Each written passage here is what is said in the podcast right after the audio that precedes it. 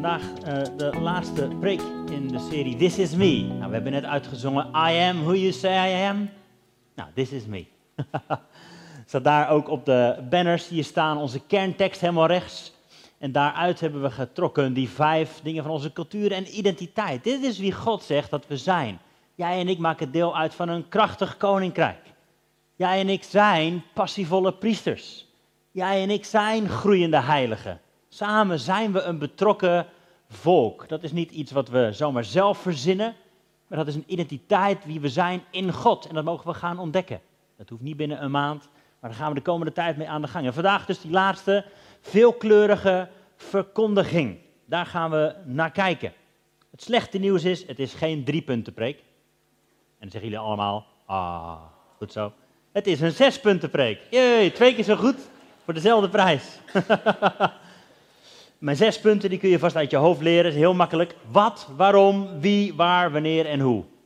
Een beetje die vragen, dat kunnen we allemaal onthouden. Ik ga beginnen met uh, deze Bijbeltekst, Handelingen, hoofdstuk 1, vers 4 tot 9. Daar staat dit. En toen hij, de Heer Jezus, met hen samen was, beval hij hun dat ze niet uit Jeruzalem weg zouden gaan, maar de belofte van de Vader zouden verwachten, die u, zei hij, van mij gehoord hebt. Want Johannes doopte met water, maar u zult met de Heilige Geest gedoopt worden, niet lang na deze dagen. En zij dan, die samengekomen waren, vroegen hem, Heer, zult u dan in deze tijd voor Israël het koninkrijk herstellen? En hij zei, het komt u niet toe de tijden of de gelegenheden te weten die de Vader in zijn eigen macht gesteld heeft. Maar u zult de kracht van de Heilige Geest ontvangen, die over u komen zal. En u zult mijn getuige zijn zowel in Jeruzalem als in Judea en Samaria en tot aan de uiterste van de aarde. En nadat hij dit gezegd had, werd hij opgenomen terwijl zij het zagen en een wolk onttrok hem aan hun ogen.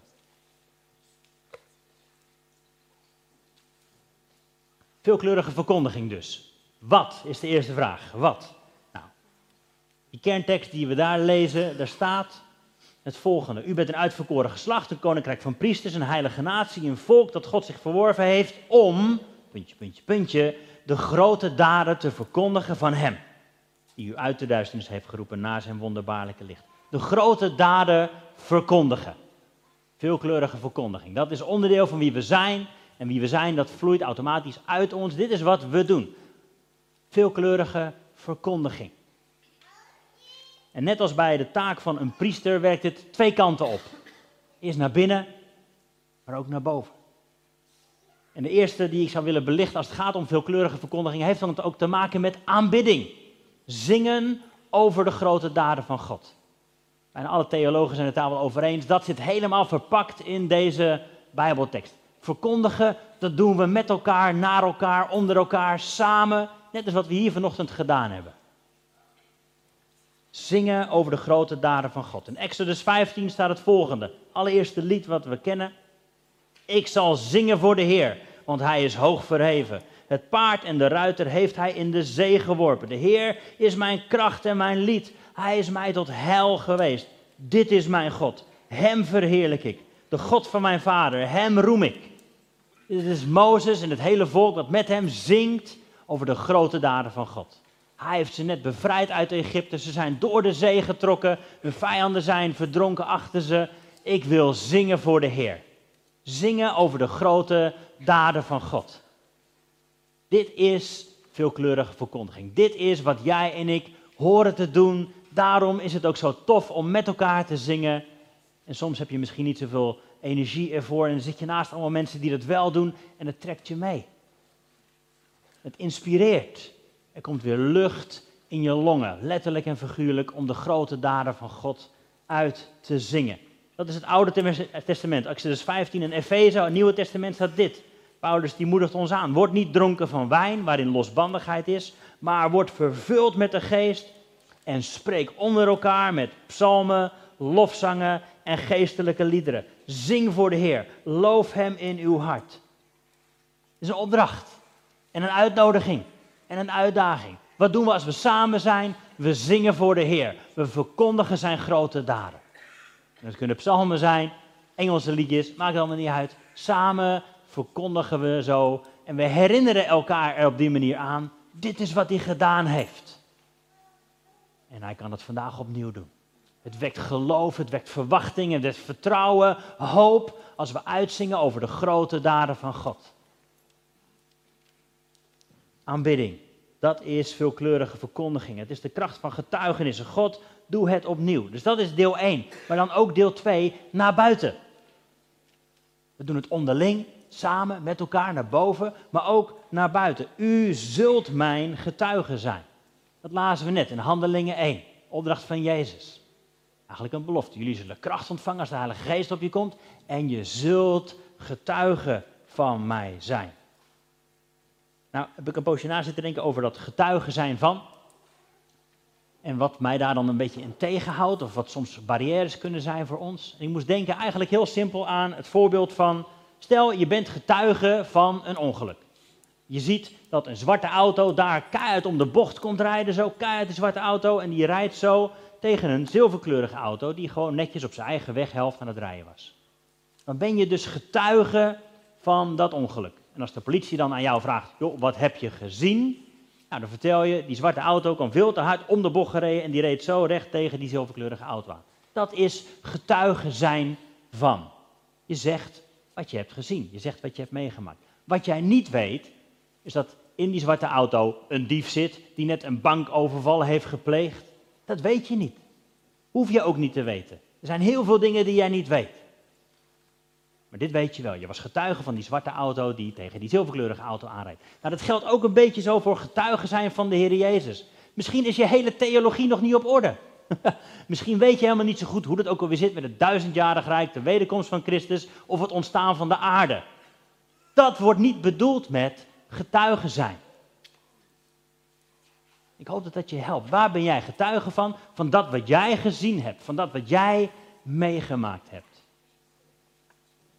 Eerst was ik eenzaam en bang. Maar nu ben ik vol hoop en vertrouwen. En dat komt door de Heer Jezus. Dat is getuigen zijn van. Dat betekent niet dat je hoeft te zeggen, dus dit betekent de hele Bijbel. Daar gaat het niet om. Er zijn andere mensen die dat fantastisch vinden om er helemaal in te verdiepen. En misschien groei je daar ook wel in en dat komt vanzelf. Maar als jij getuige bent van, dan zeg je, dit heb ik meegemaakt. Dit heb ik gezien. Ik was er getuige van. In mijn leven heeft Jezus dit gedaan. That's it. Jij bent getuige van. 1 Petrus, die staat dit. Wees altijd bereid tot verantwoording aan ieder die u rekenschap vraagt van de hoop die in je is. Met zachtmoedigheid en ontzag. Je vertelt over de hoop die in je leeft. Waar ben jij getuige van geweest? Wat heeft Jezus in jouw leven gedaan?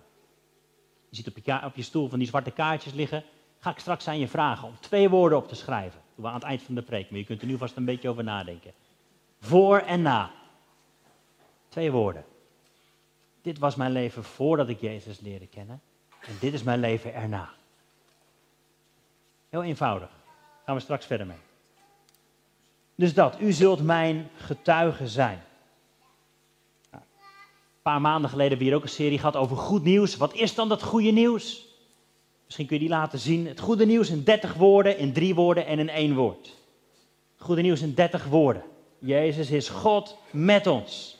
Hij kwam naar ons en hij toonde ons Gods liefde, redde ons van zonde, openbaarde Gods koninkrijk, ontmantelde religie, zodat we nu met God mogen leven. Dat is het goede nieuws in 30 woorden. Om het iets makkelijker te maken, het goede nieuws in drie woorden is, Jezus is Heer. En in één woord, je raadt het al, het goede nieuws is Jezus. Daar mag je getuige van zijn. Wat heeft Hij in jouw leven gedaan? Wat heeft Jezus in je leven gedaan? Dus dat is veelkleurige verkondiging. Wat dan?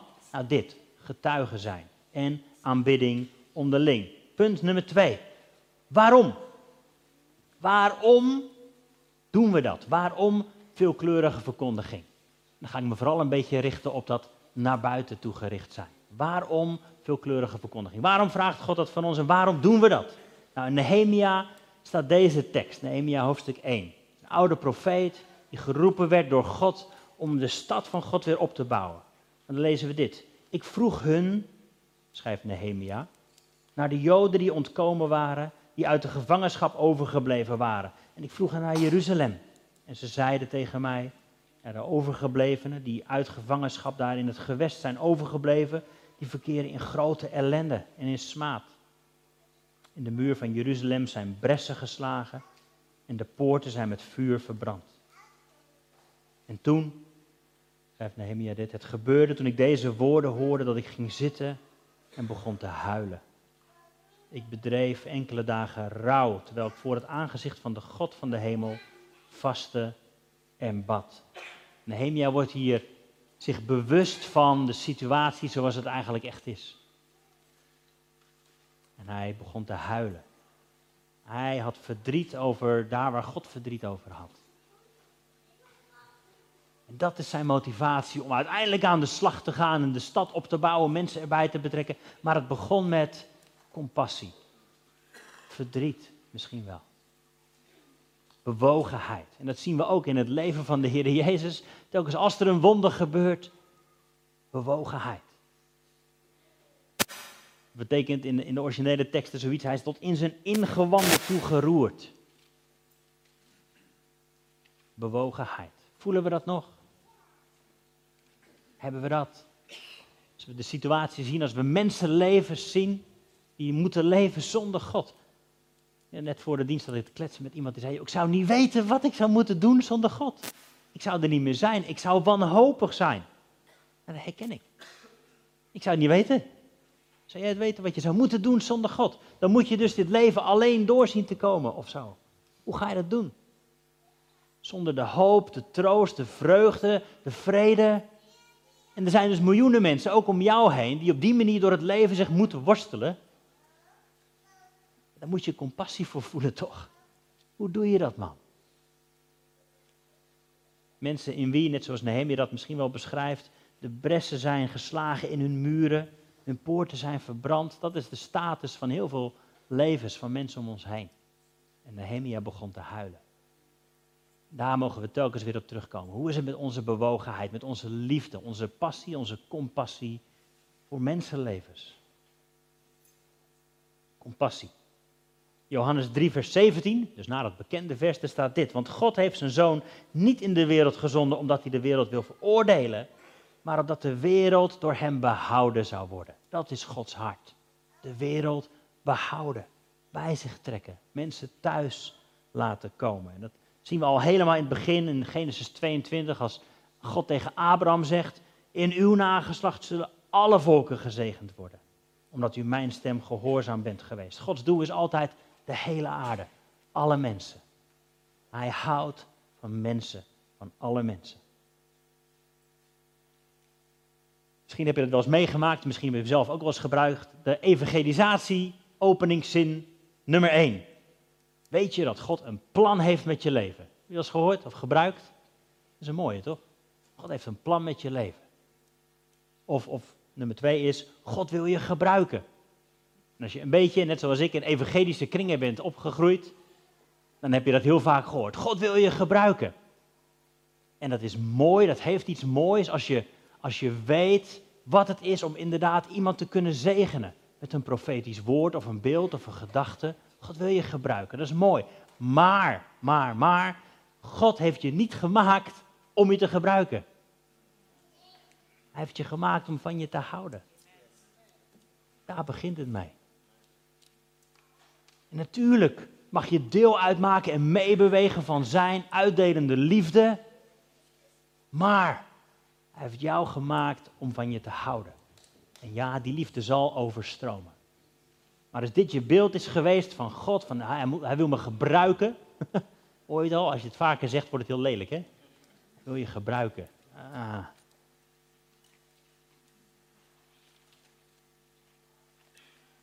Korinthe 13. Al zou ik de gave van profetie hebben, alle geheimenissen weten, kennis bezitten, geloof hebben om bergen te verzetten, maar ik had de liefde niet. Het was niks. Al zou ik al mijn bezittingen uitdelen tot levensonderhoud van de armen, al zou ik mijn lichaam overgeven om verbranden te worden, ik had de liefde niet, het baatte me niks. Dus waarom, de vraag waarom, punt nummer twee, is altijd liefde. God is liefde, die wil overstromen, die wil uitdelen. En jij en ik mogen meebewegen in die stroom. Vol zijn van die liefde. Maar als het zonder liefde is, doe het dan maar niet. Dus ga niet boven mensen staan. Ik weet hoe het zit en jij niet.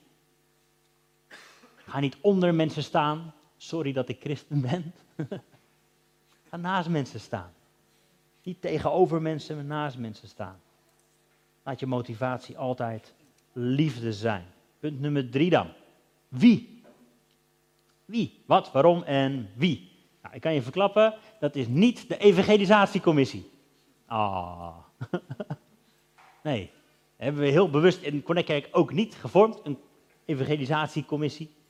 Omdat we ervan overtuigd zijn dat het dan zo makkelijk wordt om het af te schuiven op dat groepje mensen daar die het leuk vindt om de straat op te gaan. Dat zijn onze evangelisten, die gaan het doen. Dan zijn wij er vrij van, hoeft het niet meer, klaar. Nee. Jij en ik, iedereen, mogen meebewegen in deze liefde van God die uitdeelt en die anderen opzoekt. Ik las deze quote van Amy Carmichael, een Ierse zendeling in India, die over zichzelf dit zei: I am small and despised. En dan hoort ze de stem van God. Yes, but have I not said, do not despise the day of small beginnings. In het Nederlands zoiets als, ik, ja, ik, maar ik ben ik dan, ik ben klein en veracht.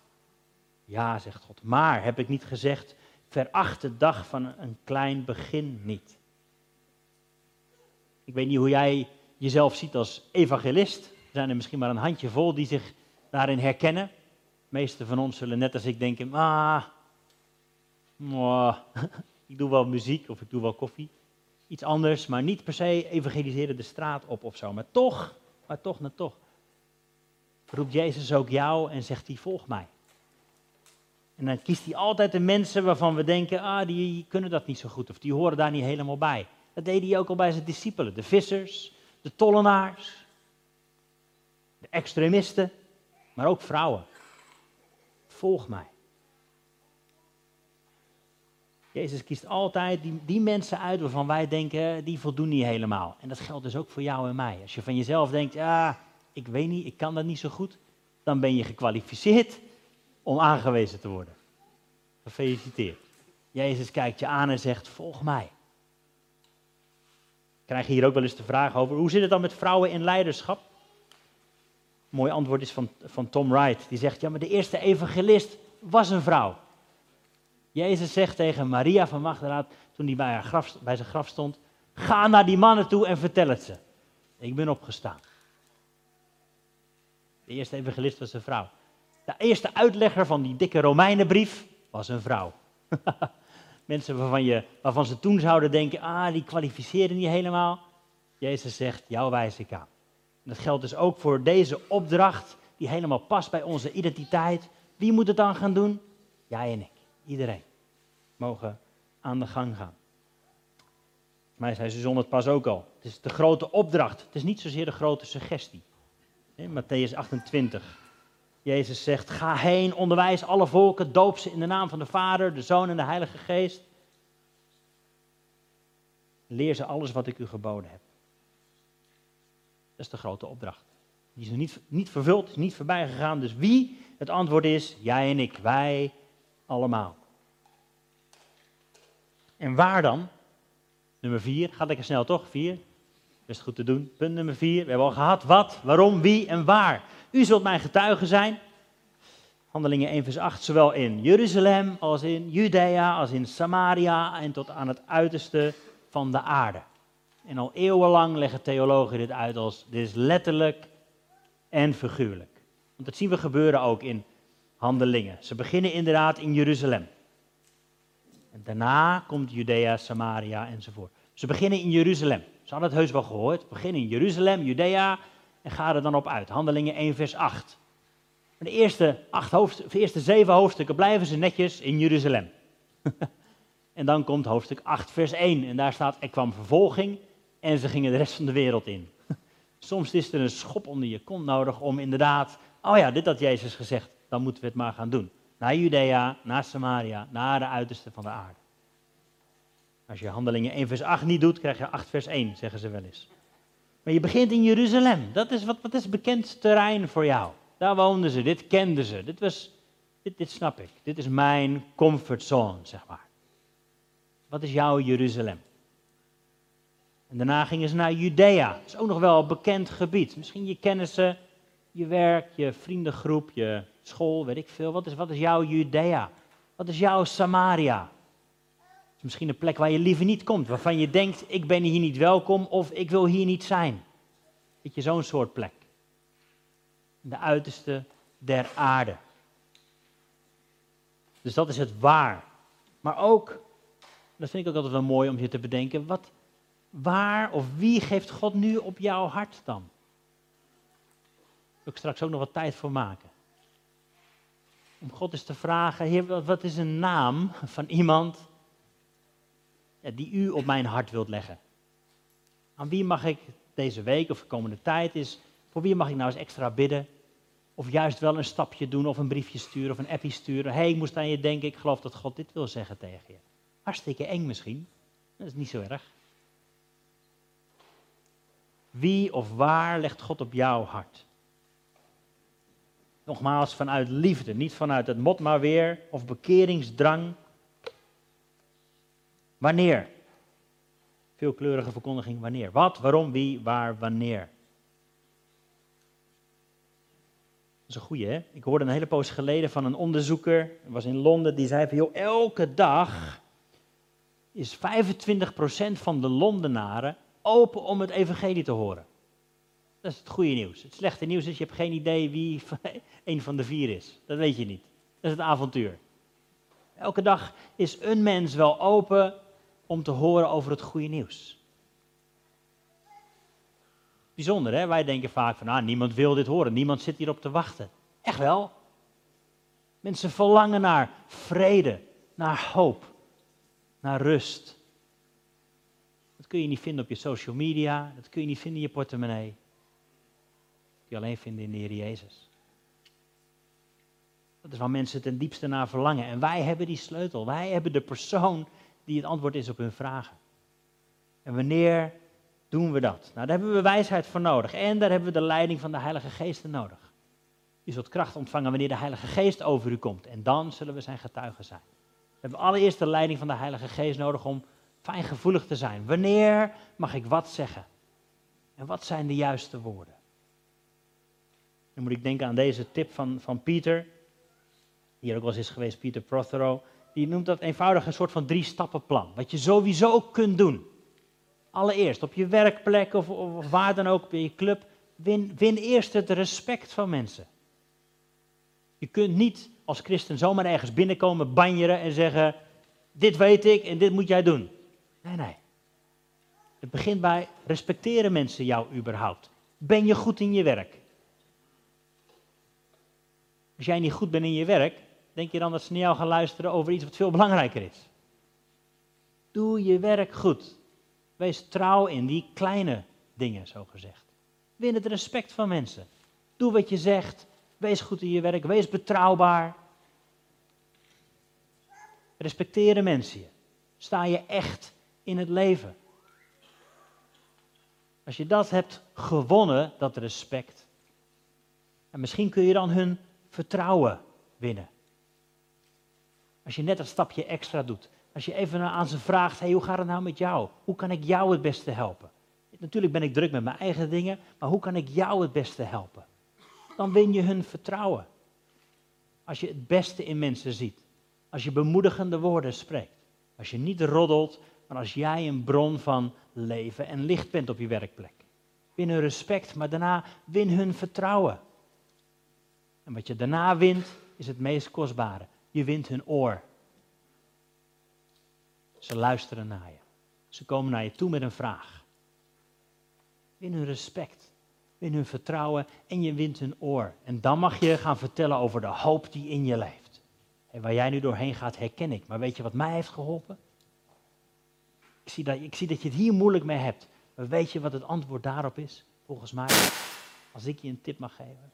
Win hun oor op die manier. Sla niet die eerste twee stadia over en kom als een boze evangelist met je vingertje bij wijze van spreken. Nee, kom in hun respect, hun vertrouwen en hun oor. Dus wanneer, het mooiste, denk ik, is wanneer je hun oor gewonnen hebt. Wanneer je herkent, nu is er openheid. Nu wordt er een vraag gesteld waarin ik kan geven en vertellen over de hoop die in mij is. En als laatste dan, hoe? Hoe doen we dit? Zoveel mensen, zoveel manieren. We hebben het ook genoemd veelkleurige verkondiging. Iedereen is anders, gelukkig. Jij bent anders dan ik. Jij doet het anders dan ik. Je maakt andere dingen mee dan ik. Je hebt een ander verleden. Je hebt er ook een ander, andere relatie met Jezus, denk ik. Maar hoe? Sowieso denk ik wat we kunnen leren uit de Bijbel is, ik ben een Feyenoord-fan, woorden en daden. Voor het gemak maar eventjes. Want een ieder die de naam van de Heer zal aanroepen, zal zalig worden. Lees we in Romeinen 10. Ieder die de naam van de Heer aanroept, zal zalig worden. Maar hoe zullen ze hem aanroepen in wie ze niet geloven? En hoe zullen ze in hem geloven als ze niet van hem gehoord hebben? En hoe zullen ze horen zonder dat iemand ze het vertelt? En hoe zullen zij prediken als ze niet gezonden worden? Zoals geschreven staat, hoe lieflijk zijn de voeten van hen die vrede verkondigen, van hen die het goede verkondigen. Hoe kunnen mensen het ooit te weten komen als je er niet over vertelt? Woorden. Woorden. Nou, een simpele manier, ik zei het net al over dat kaartje waar je straks twee woorden op gaat schrijven. Daarmee geef je dus al iets van woorden over wat er in jouw leven gebeurd is. Hoef je nog niet de perfecte theologie te hebben, dat, dat komt later wel misschien, of misschien niet, weet ik niet. Maar oefen jezelf in welke woorden gebruik ik als iemand aan mij vraagt: hey, hoe, hoe komt het dat deze crisis jou niet zo raakt? Of zo. Welke woorden gebruik je daar dan in? Dus woorden, maar nummer twee, daden. Matthäus 5 staat dit. U bent het licht van de wereld. Mooi hè? Zegt Jezus over jou en mij. Wij zeggen het over Jezus, maar Jezus zegt, ah, jij bent het licht van de wereld. Een stad die boven op een berg ligt, kan niet verborgen zijn. En ook steekt men geen lamp aan en zet die onder de korenmaat, maar op een standaard. Hij schijnt het licht voor alle die in het huis zijn. Laat uw licht zo schijnen voor de mensen, dat zij uw goede werken zien. En uw Vader die in de hemel is verheerlijken. Dus woorden en daden. En wat dat dan is, hoe dat bij jou werkt, weet ik niet zo goed. Ik denk dat jij het wel weet. dat je samen met de Heilige Geest, dat zei ik al, wijsheid in gaat ontvangen. We, hebben de kracht van de Heilige Geest nodig om dit te kunnen doen. Zonder Heilige Geest begin er niet aan. Het is nodig om, dat zeggen we wel eens vaker hier, als je de Heilige Geest hebt ontvangen, fantastisch. Maar jij en ik, wij lekken. Er zitten gaatjes in ons en het lekt. En we hebben nodig om telkens weer opnieuw gevuld te worden met de Heilige Geest. Laat mensen voor je bidden. Loop even naar voren, Alfons, Gerben, weet ik het wie er staat. Bid voor me. Ik heb opnieuw een aanraking met de Heilige Geest nodig. Zeg je, hier was voor de gein, tweede kopje is altijd gratis, maar dat geldt ook voor gebed hier. Bidden voor de Heilige Geest is altijd gratis. Laat voor je bidden, ontvang het. Ontvang het, ontvang het. Yes. En als laatste dan, hoe nu praktisch verder? Wat zijn obstakels bijvoorbeeld hierover? Het eerste waar ik aan moest denken als, als ik denk aan obstakels voor hoe gaan we dit nu doen dan? Hoe gaan we die veelkleurige verkondiging vormgeven in ons leven? Obstakels zijn altijd, denk ik, angst. Angst voor mensen. Angst voor ik kan het niet. Maar misschien ook wel, en die herken ik bij mezelf ook wel, een soort van onverschilligheid. Ja, mensen zitten niet op mij te wachten, joh. Of misschien voel ik niet die pijn die Nehemia wel voelde. Over de gebrokenheid van mensenlevens. Angst en onverschilligheid. Maar het antwoord op allebei is liefde. En ik denk dat het daar altijd mee staat of valt. Weet jij dat God van jou houdt? Wil je met diezelfde liefde van mensen houden? Ontvangen en uitdelen.